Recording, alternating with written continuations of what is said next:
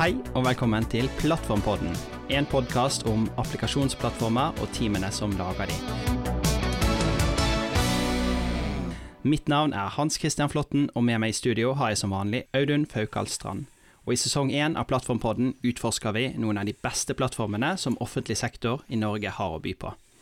Men før vi introduserer dagens gjester, Audun, har du noe bakgrunnsmusikk som du hører på når du sitter og programmerer? Ja, eh, jeg har jo det, men jeg har litt det samme forhold til musikk som Drillo hadde. At jeg tenker, som, tenker, på musikk mest som støy. Så jeg har ikke liksom noen sånne spesielle ting jeg hører mye på. Så det er litt tilfeldig. Eh, hva med deg, Hans Christian? Du, Jeg hører gjerne på eh, litt sånn lofi-musikk. Det må være noe uten vokal, og noe rolig, melodiøse toner. Gjerne med noe sånn retro, 8-bit, Zelda, Star Wars. Eh, eh, melodier som jeg kjenner fra min barndom. Så det, Da får jeg liksom den gode følelsen i meg. Men i dag skal vi ikke snakke så mye om musikk. I dag er vi så heldige å ha med oss eh, Eirik Eidså og Kjetil Espedokken fra Husbanken. Husbanken er kanskje en organisasjon som ikke så mange av lytterne våre har hørt om, men som spiller en svært viktig rolle for samfunnet vårt, nemlig å sørge for like muligheter til å skaffe seg og beholde egen bolig. I tillegg jobber Husbanken sammen med kommuner, frivillige organisasjoner og byggesektor med å dele sin kunnskap og kompetanse. Og i 2024 forvalter Husbanken en utlånsramme på 29 milliarder kroner. Erik, kan ikke du begynne å fortelle litt om hvordan du begynte i Husbanken, og hva du jobber med? Jo, jeg uh, begynte i Husbanken for en, en, del, noen år siden nå. Uh, fem år kanskje, eller noe sånt. Søkte egentlig på jobb som utvikler, men endte opp som DevOps-utvikler på plattformteamet. Og det har jeg vært uh, veldig fornøyd med. Så jeg har drevet med bygge plattform siden det. Veldig, veldig interessant. Dette skal vi dykke mer i, men før vi gjør det, Kjetil, hva med deg? hvorfor begynte du i Husbanken, og hva er din rolle?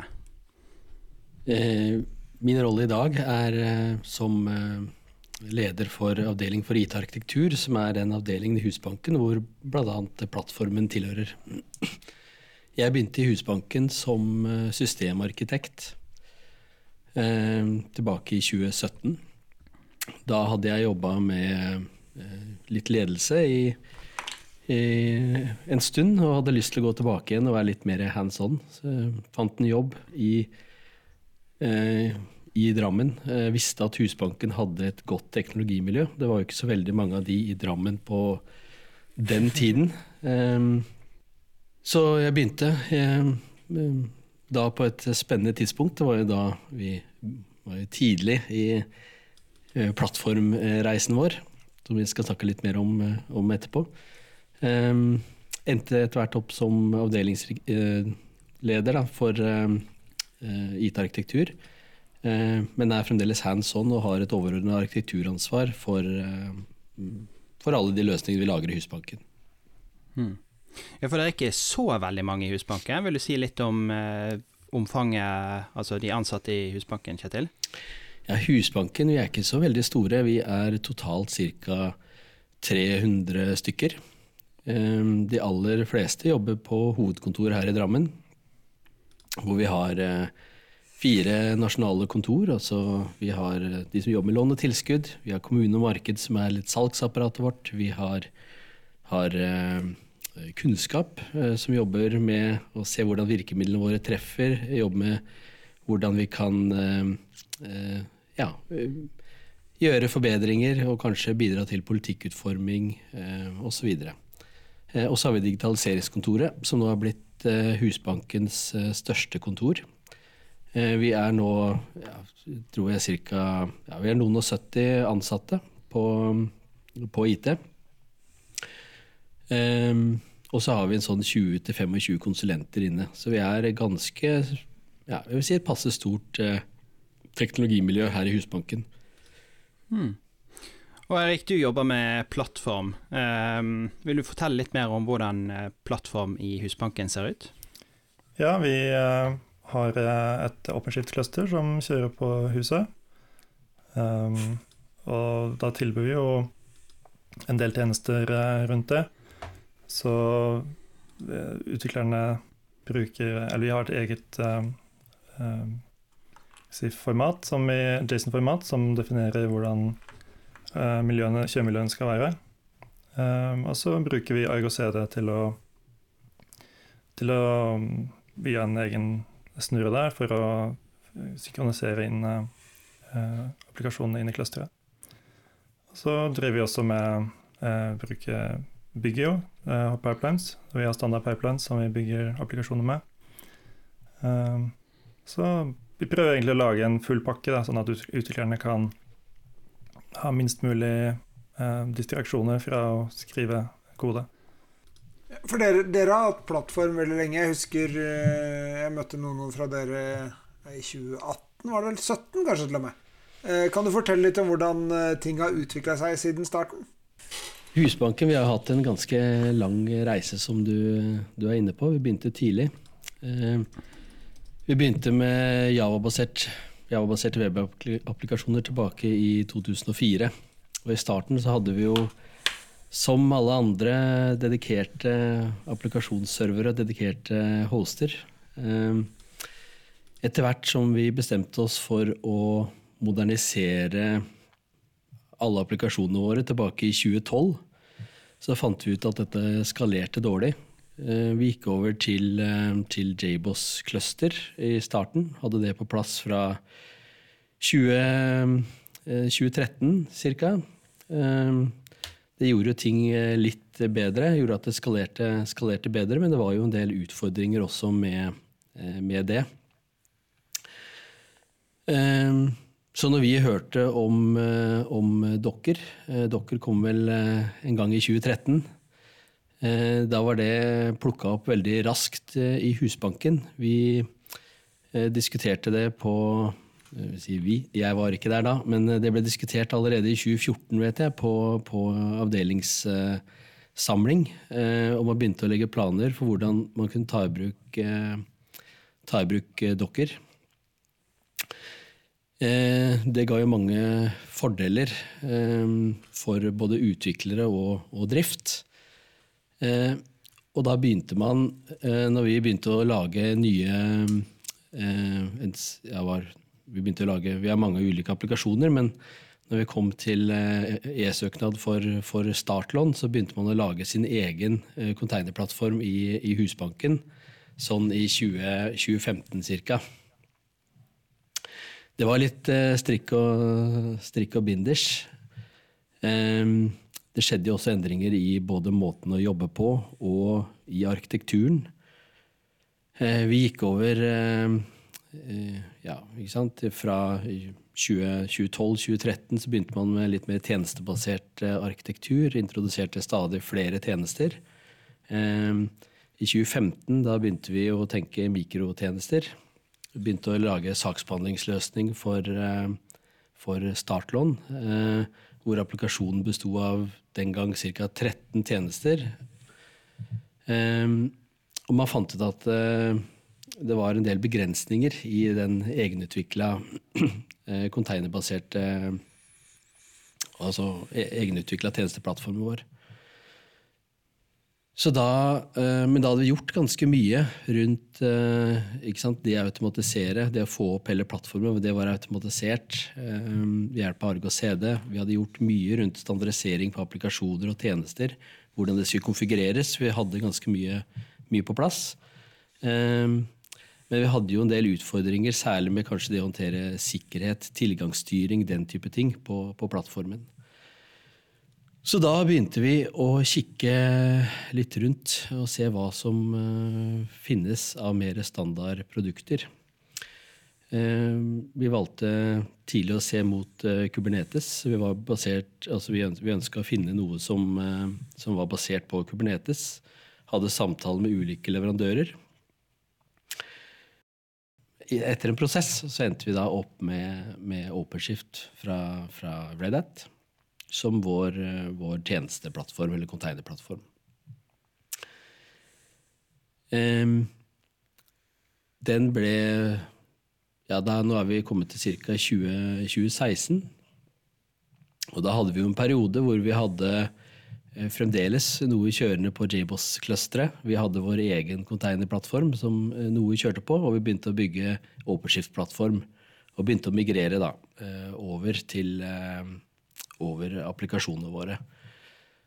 vi begynte med de som kjørte på vår, vår containerplattform. Fikk de over først på, på OpenShift. Og så um, hadde vi også lagd vårt eget uh, tjenesterammeverk som ble brukt av applikasjonene våre i Husbanken.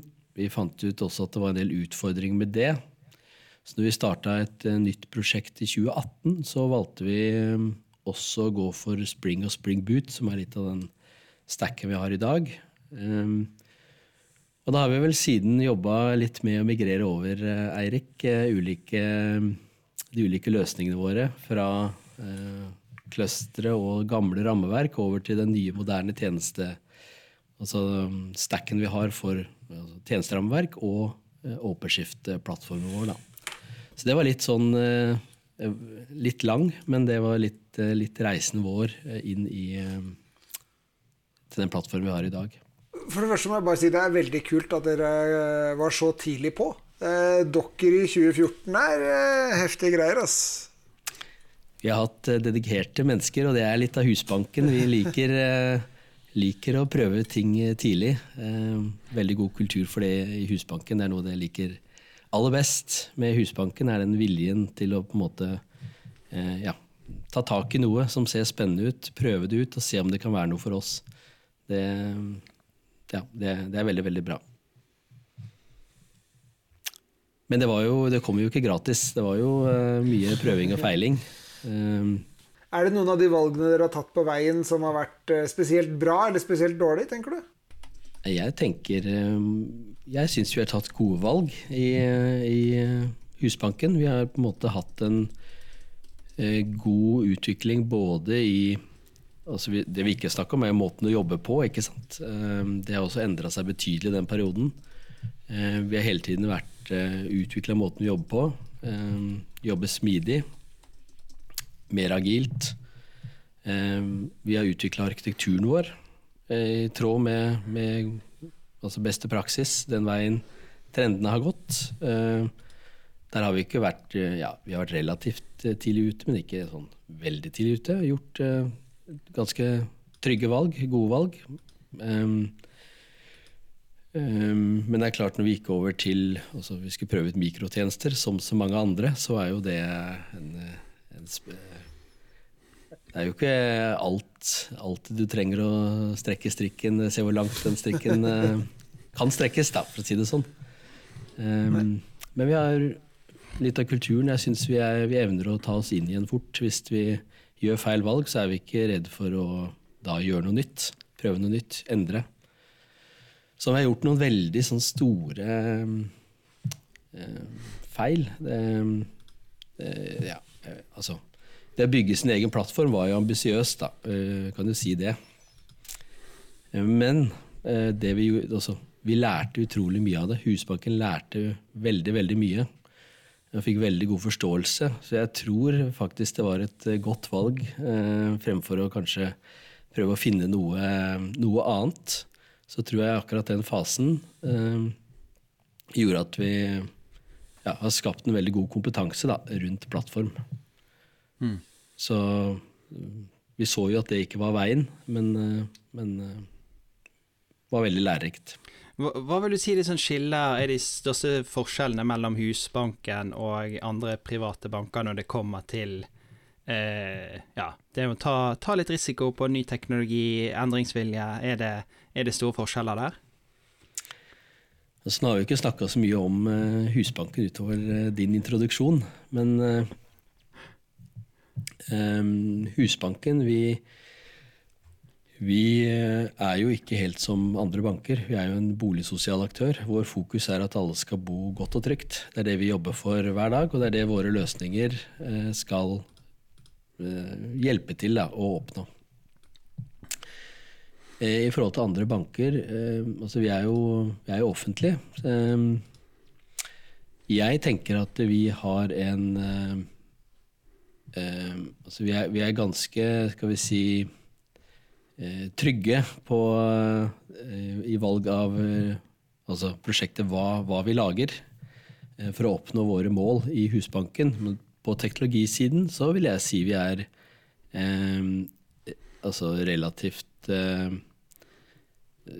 vet ikke om jeg skal si risikovillig, men altså, vi er ikke redde for å prøve og feile på, på teknologi. Um, så vi, vi, tester ut ting, og det har vi hatt rom til i, i Husbanken, og det er vi opptatt av å, å gjøre. ikke sant? At vi, vi, prøver ut ting, vi får ting til å vi, vi, ser om dette er noe for oss, om det gir verdi, og så prøver vi å rulle det ut uh, så fort vi kan uh, på tvers av teamene.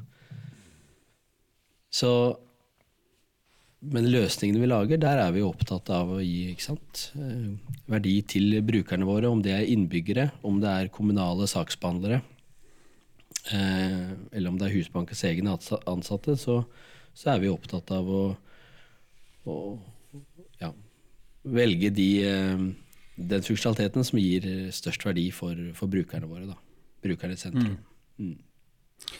Og, de, og, der kommer jo plattformen inn, sant, som eh, det å gjøre det mulig for eh, utviklingsteamene å levere raskt og levere disse, eh, disse nye, nye, applikasjonene, enten det er til som du sier, brukere eller saksbehandlere eller interne.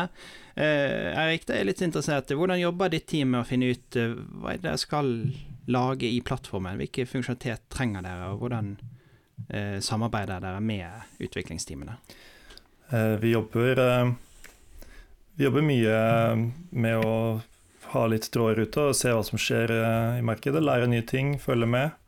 Og så har vi også en veldig tett dialog med de teamene som faktisk er ute i prosjektet. Lytter veldig til de. Vi sitter jo veldig tett, så de, vi har jo veldig mye trafikk borti plattform.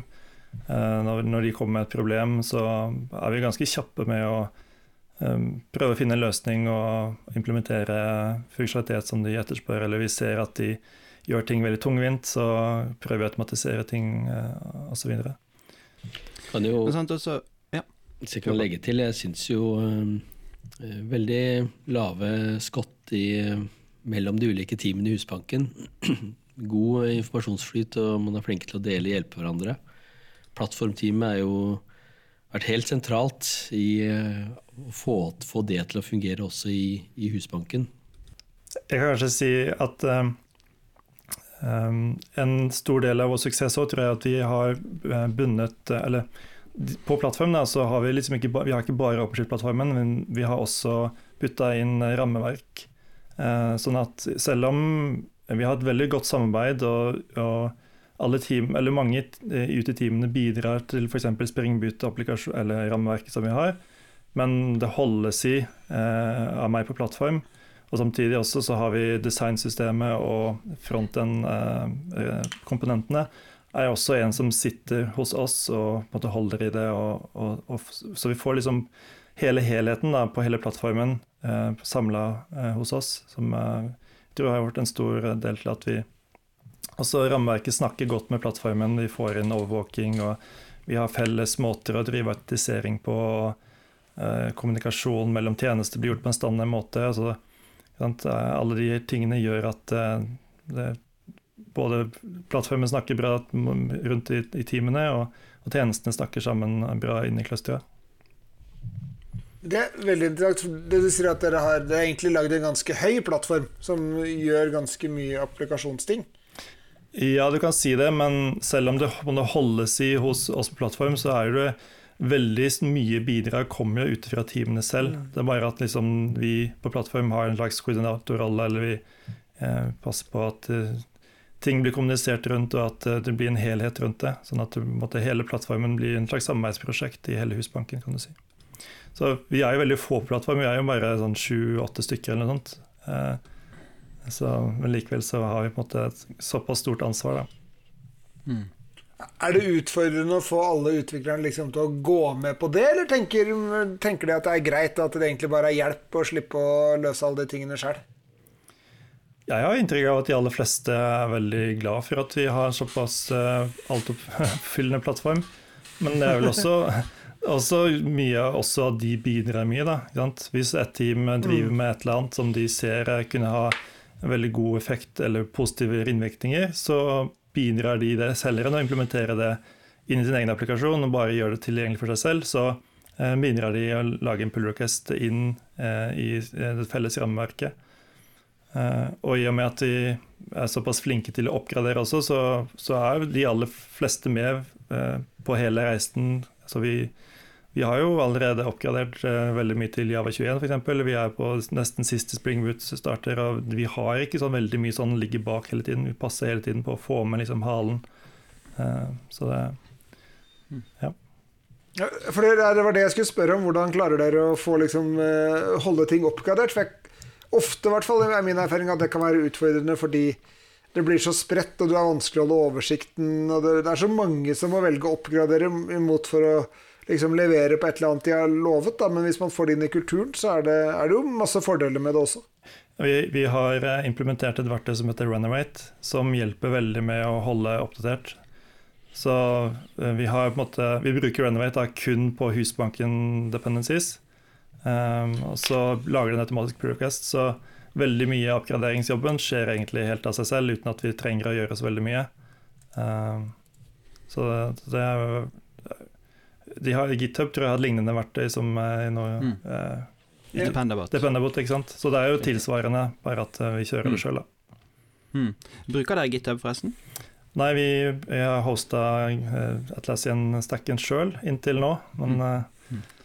det er jo ikke så veldig ja, Hva gjør dere når den lisensen går ut? På å si? Nei, vi har valgt å gå foreløpig ut, ut, i skyen da, med de, ja.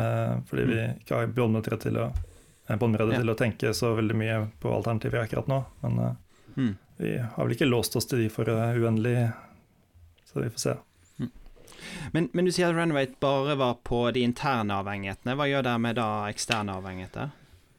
Eh, vi har på en måte valgt altså Spring Boot-rammeverket vårt, det, den får jo inn alt. ikke sant? Men for å slippe støyen videre ut i prosjektene, så har vi sagt at Vet du hva, vi i Springboot-rammeverket det håndterer alle eksterne avhengigheter.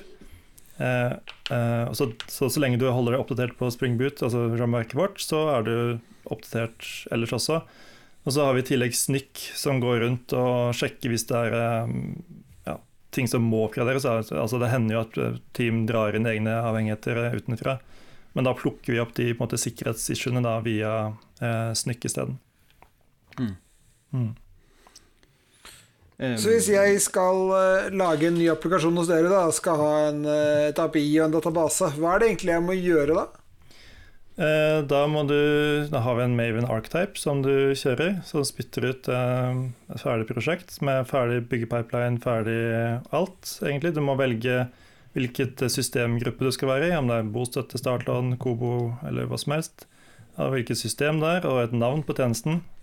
Så dytter du det inn i Bitbucket, eh, og da bygger du automatisk, og du har et image som du kan kjøre.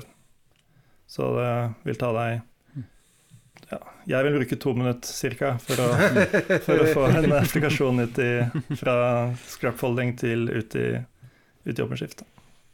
Men er det med ekstern avhengighet? Ja. Jeg tror du skulle spørre om akkurat det samme. Eh, du, si det Hans Christian. Okay. Ja, ja. Hvis jeg vil ha en uh, ny database til den applikasjonen, da, hvordan går jeg frem da, Erik? Eh, da må du, Det spørs litt om du skal I test så kan du sette opp en egen database, bare i, i clusteret. Men i produksjonen så bruker vi jo i all hovedsak Microsoft SQL, som kjører ikke i clusteret. Da kjører de utenfor, så da blir det litt mer styr. Så det kommer litt an på hva, hva slags krav du har til database. Og så tror jeg dere bruker Tecton pipelines og ikke Bitbucket pipelines, stemmer det? Ja, det stemmer. Så vi har jo hatt uh, Når jeg kom inn i Husbanken, så brukte vi Jenkins. Og da hadde vi laget et sånt um, rammeverk som var skrevet i jeg tror det er Skala, eller et eller annet sånt greier som jeg aldri ble helt blend med. Og etter hvert så Det var veldig keitete å drive på med. Og så testa vi ut Tekton og skrev egentlig alt over til en, all den rammeverket som vi hadde skrevet der, hadde vi skrevet da over til, eh, til en Java-applikasjon som basically lagde Tekton pipelines. Um, så vi flytta alle over egentlig veldig kjapt, fordi vi gjenbrukte de samme manifestfilene da, som vi hadde fra før. Um, mm. Så det, vi har på en måte hatt en tradisjon i Husbanken så lenge jeg har vært her, å prøve å abstrahere vekk mest mulig. Sånn at i, eh, i alle repene så har vi en fil som vi kaller for HB, HB-bild, som har noe ja, definerer da. Er det helt standard Spring Boot eller standard, eh, standard frontend-bygg, så trenger du egentlig ikke definere noe annet enn hvilken systemgruppe og system og navn. Og så finner den sensible defaults. Hvis det er, med, hvis det er en POM-fil der, så vet den skal bygge det. Hvis det er en eh, package of Jason, vet den at det er Node. Er det en docker-fil, så vet den at den skal også bygge docker etterpå.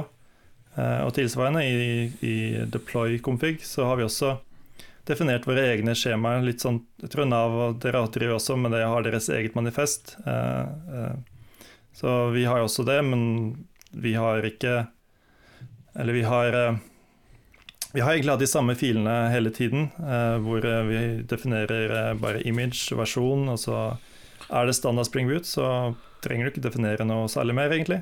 Um, mm. Annet enn hvis du trenger litt mer minne enn default, eller, eller sånn. Mm. Og så har vi en Java-applikasjon som snurrer gjennom med Fabricate for å definere opp alle definisjonene.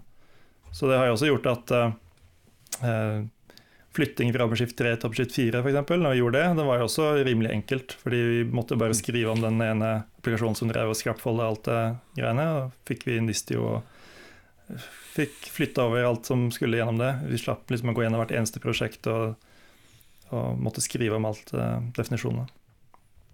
Men, men, dra litt gjennom den Java-applikasjonen. For du, du, sier det at du har en deploy-manifest som du sender til en Java-applikasjon, og så spytter den ut Kubernetes-manifestet i andre enden? Så når vi var i oppeskift 3-verden, så var, vi, var, det sånn. Og når vi migrerte, så fant vi jo ut at uh, Argo CD var en greie. Um, og da tenkte vi at det var jo veldig kult. Uh, så det vi gjorde da, var egentlig å lage, lage en uh, Vi fortsatte da med de samme filene, men istedenfor at en Java-applikasjon skulle applye det direkte på clusteret, så fikk vi til å spytte det tilbake til Argo CD.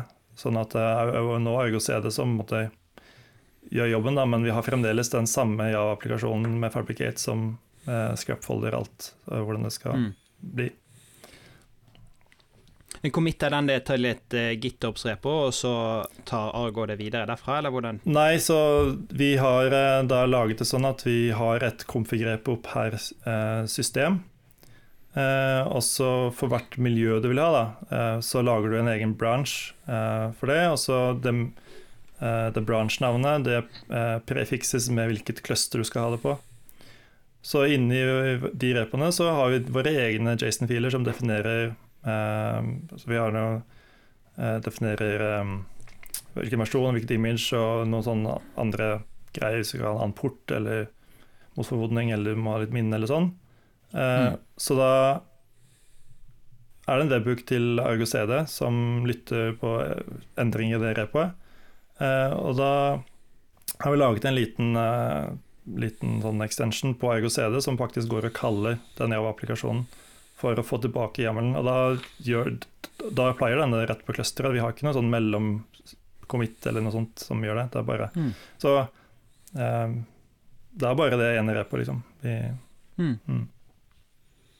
Det høres jo nesten ut som altså det, det, er jo veldig likt som operator patternet, bare at den uh, ja. uh, kjører hva skal jeg si, litt på utsiden, men likevel kaller inn og, ja. og gjør de operasjonene. Og vi mm. kommer nok til å vandre mer i retning av en operator-variant. Uh, mm. ja.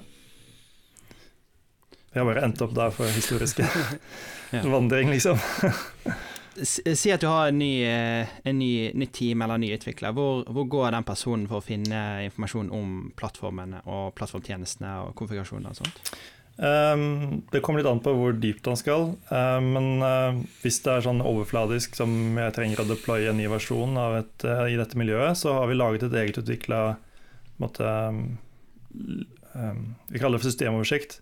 Så det er basically en, en, en skanne gjennom alle konfigrepene og lage sånn at du kan enkelt finne miljø, og du kan velge hvilken versjon som skal kjøre osv. Og, så og så har du samle alle linker til hvor, overalt hvor du skulle trenge å gå, sånn inn til OpenShift og inn i, i pipelines og ja, Git-repos uh, og overalt. Spotify har et verktøy som jeg har glemt navnet på nå, som er backstage. backstage. Takk. Så det er på en måte vår egen backstage, da.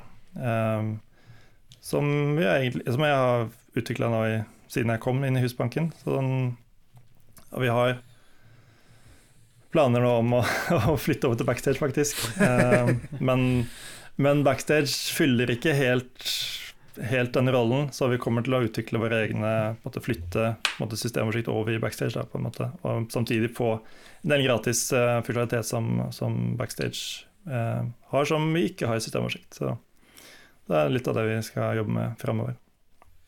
Hva med overvåkning og monitorering, hvordan gjør dere det? Uh, vi har Grafana og Prometheus til overvåking.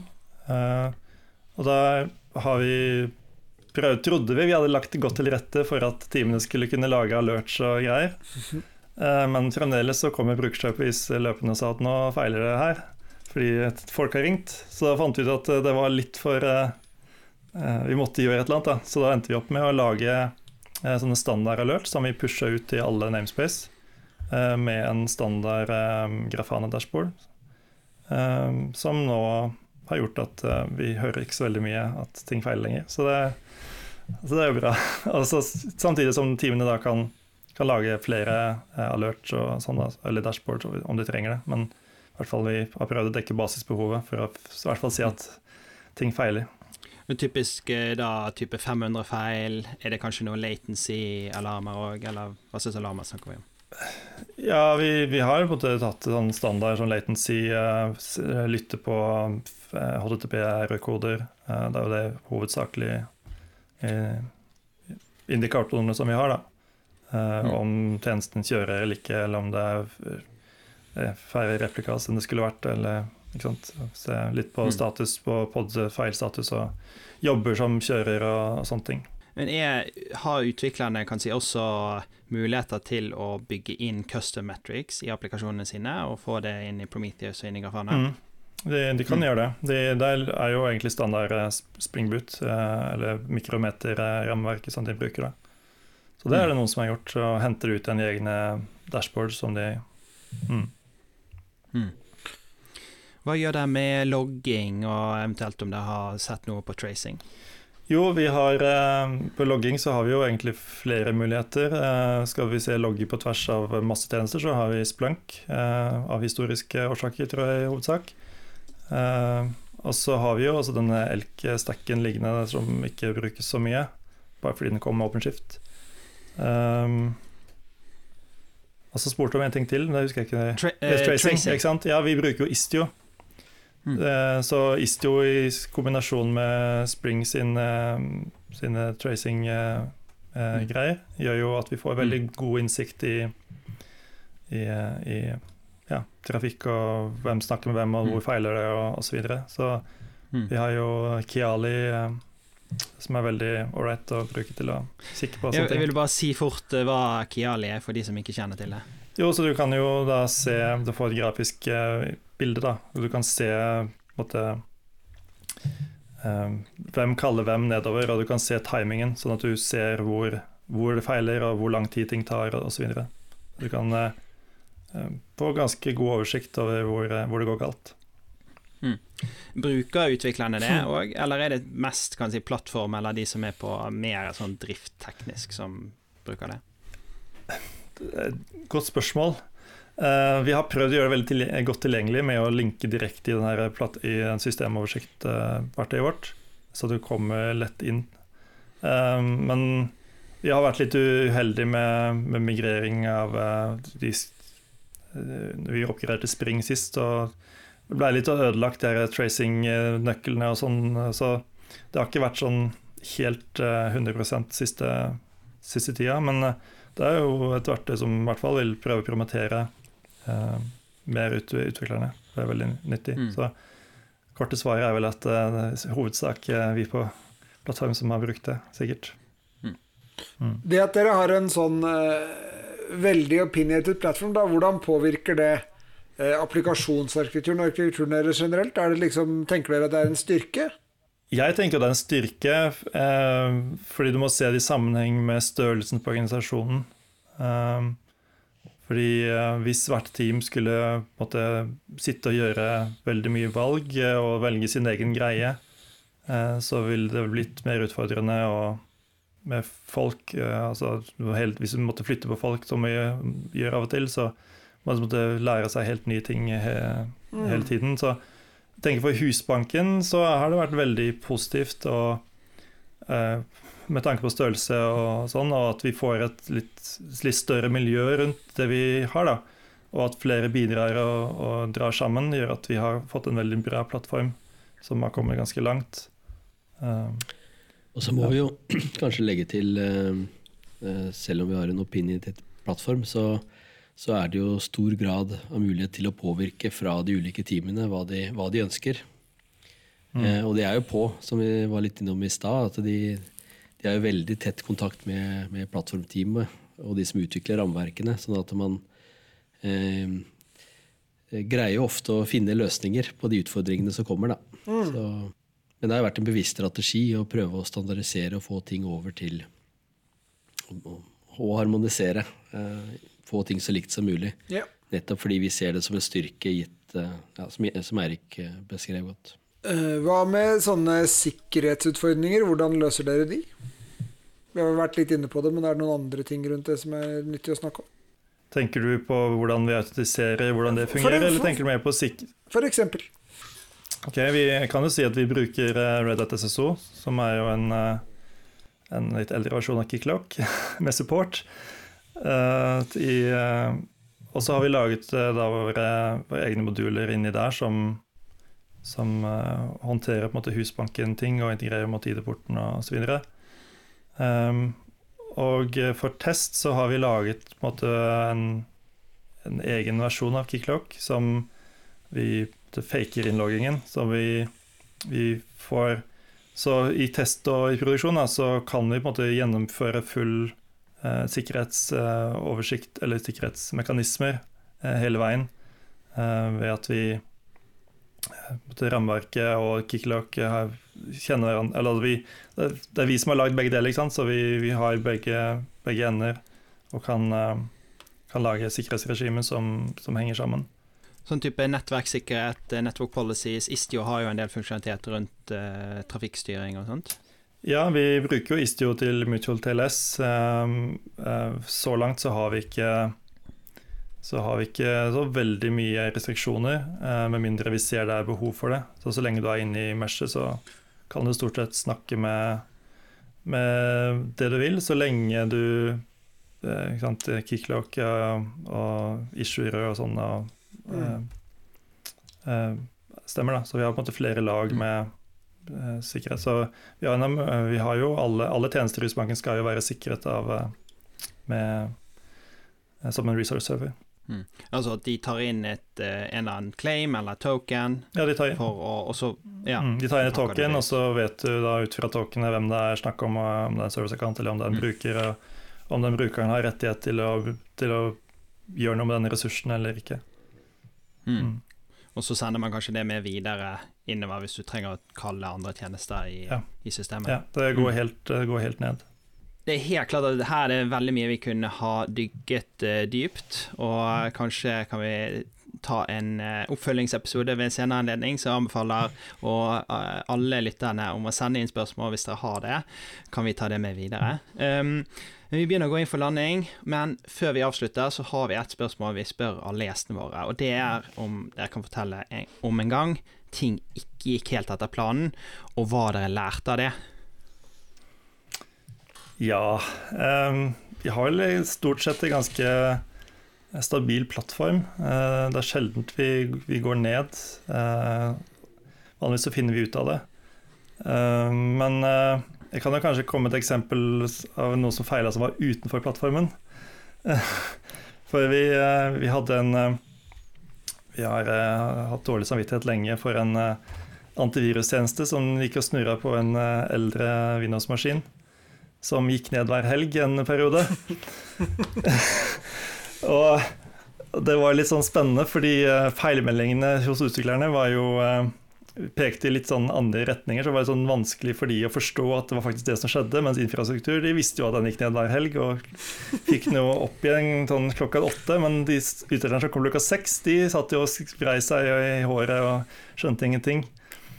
Eh, så vi, vi, til slutt da fikk vi jo samla oss og finne ut hva de var. da, Fikk jo flytta det over på en nyere Linux-maskin og fikk eh, overvåking på den, så det var litt mer synlig i plattformene osv. Så, videre. så mm. lærdommen er vel å, å ikke ha så mange svin på skogen. når, når, du har dårlig samvittighet for noe, så burde du gjøre noe med det. det men eh, sånn i etterkant eh, av sånne hendelser, for dette er jo dette er sånn som skjer hos oss alle. Og, men Kjetil, har dere noen prosess for hvordan dere da lærer av eh, sånne denne og lignende feil, og liksom jobber for å forbedre organisasjonen og prosessen? Eh, vi eh, prøver jo alltid å, å, lære av feil. Sånn veldig eh, Sånne hendelser der, der vi har ikke en en, eh, hvis det ikke blir logga som et avvik, så er det ikke en sånn veldig formell prosess. Men teamet er veldig flink til å, til å lære av feil og finne ut hvordan skal vi eh, løse det. Og så har vi gode kommunikasjonskanaler ut til eh, alle teamene våre som bruker plattformen, hvis det er ting de må gjøre og ta tak i. Så det er mer kulturen, vil jeg si, som eh, sikrer at vi, vi fanger opp og forbedrer oss Eh, over tid enn eh, akkurat de formelle, beskrevne rutinene og prosessene. Eh, jeg tenker kulturen i Husbanken er ja. Hmm. Ja, det er kjempeviktig det å ha den kulturen der. og at her kan vi, vi kan alltid bli bedre, og vi skal gjøre det sammen uten å måtte peke, peke for mye fingre. Er det ellers noe du vil si, Kjetil, før vi renner av? F.eks. Hvor, hvor er veien videre for Husbanken? Ja, hvor er veien videre? Um, vi fortsetter med, um, med, å bygge plattform og bygge, bygge team. Uh, som Eirik var innom, så er vi jo ikke så veldig mange i, i plattformteamet. Uh, syv uh, stykker. Vi prøver å styrke teamet litt, og vi driver og ansetter nå. Så nye driftsteknikere på Kubernetes. En ny arkitekt. Og så tenker vi også å styrke teamet med litt kanskje en DevOps-ressurs som um, har som mål å jobbe ut mot teamene og få de kanskje enda bedre, altså gjøre onboarding enda bedre, gjøre de enda bedre i stand til å, til å gjøre DevOps. da. Altså få ting til å uh, kunne jobbe mot plattformen på en effektiv måte. Ellers Ellers har vi jo andre spennende ting som uh, uh, vi driver med. Vi var jo pilotbruker på Ansattporten så nå driver vi og ser på å rulle ut ansattporten for eh, alle, alle applikasjoner, altså fagapplikasjoner som brukes av kommunene. Vi sa jo ikke det, vi snakka om eh, Husbanken, men vi har jo ca. 5000 kommunale saksbehandlere som også bruker applikasjoner vi lager. Så det å få på ansattporten og få selvbetjening via Altinn autorisasjon på, for kommunene er en eh, viktig oppgave fremover. Eh, backstage var jo Eirik innom. Eh, vi ser på eh, ja, hvordan vi kan ta i bruk advanced cluster security på en bedre måte. Ja, vi, har en lang, ganske lang liste. Ellers er det jo den Det er jo ofte de små tingene, da, de, de, de små inkrementelle forbedringene som, som skjer hele tiden. Og som ikke alltid er på backloggen som er planlagt. Eh, som også på en måte gjør at plattformen hele tiden lever, eh, utvikler seg og tar eh, store steg hvert år. Hva med deg, Erik? Noen siste ord før vi avslutter? Nei, jeg har jo vært gjennom ganske mye spennende. Men det er jo bare å fortsette å lese og bli smart og prøve ut nye ting. Jeg tror det kan være lærdommer for oss alle. Eh, tusen takk til Eirik Eidså og Kjetil Espedokken fra Husbanken for at dere har delt så mye kunnskap og innsikt om, ikke minst om, om Husbanken, til alle lytterne våre. Audun, nå er jeg spent. Hva var ditt høydepunkt fra denne episoden?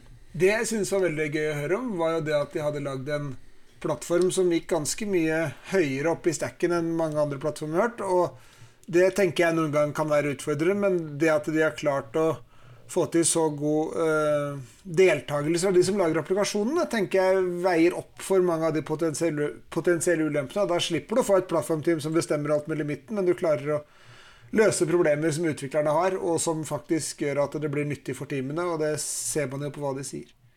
Hva med deg, Hans Christian? Jeg syns det var veldig gøy å få mer innsikt i hvordan Husbanken jobber, og hva som er deres oppdrag, og ikke minst hvordan de, de jobber for å løse det oppdraget. Og det var kjempegøy, for det var et navn som jeg har sett i noen forbindelser, men ikke egentlig visst om hva er det de jobber med. Så det, det var egentlig mitt generelle høydepunkt her. Og med det så avslutter vi denne episoden av Plattformpodden. Mitt navn er Hans Christian Flåtten. Med meg i studio har jeg som vanlig Audun Faukalt Strand. Teknisk produsent har vært Tore Gressdal. Nyeste episoder finner du alltid på plattformpodden.no eller i din lokale podkastapp. Følg oss gjerne på LinkedIn.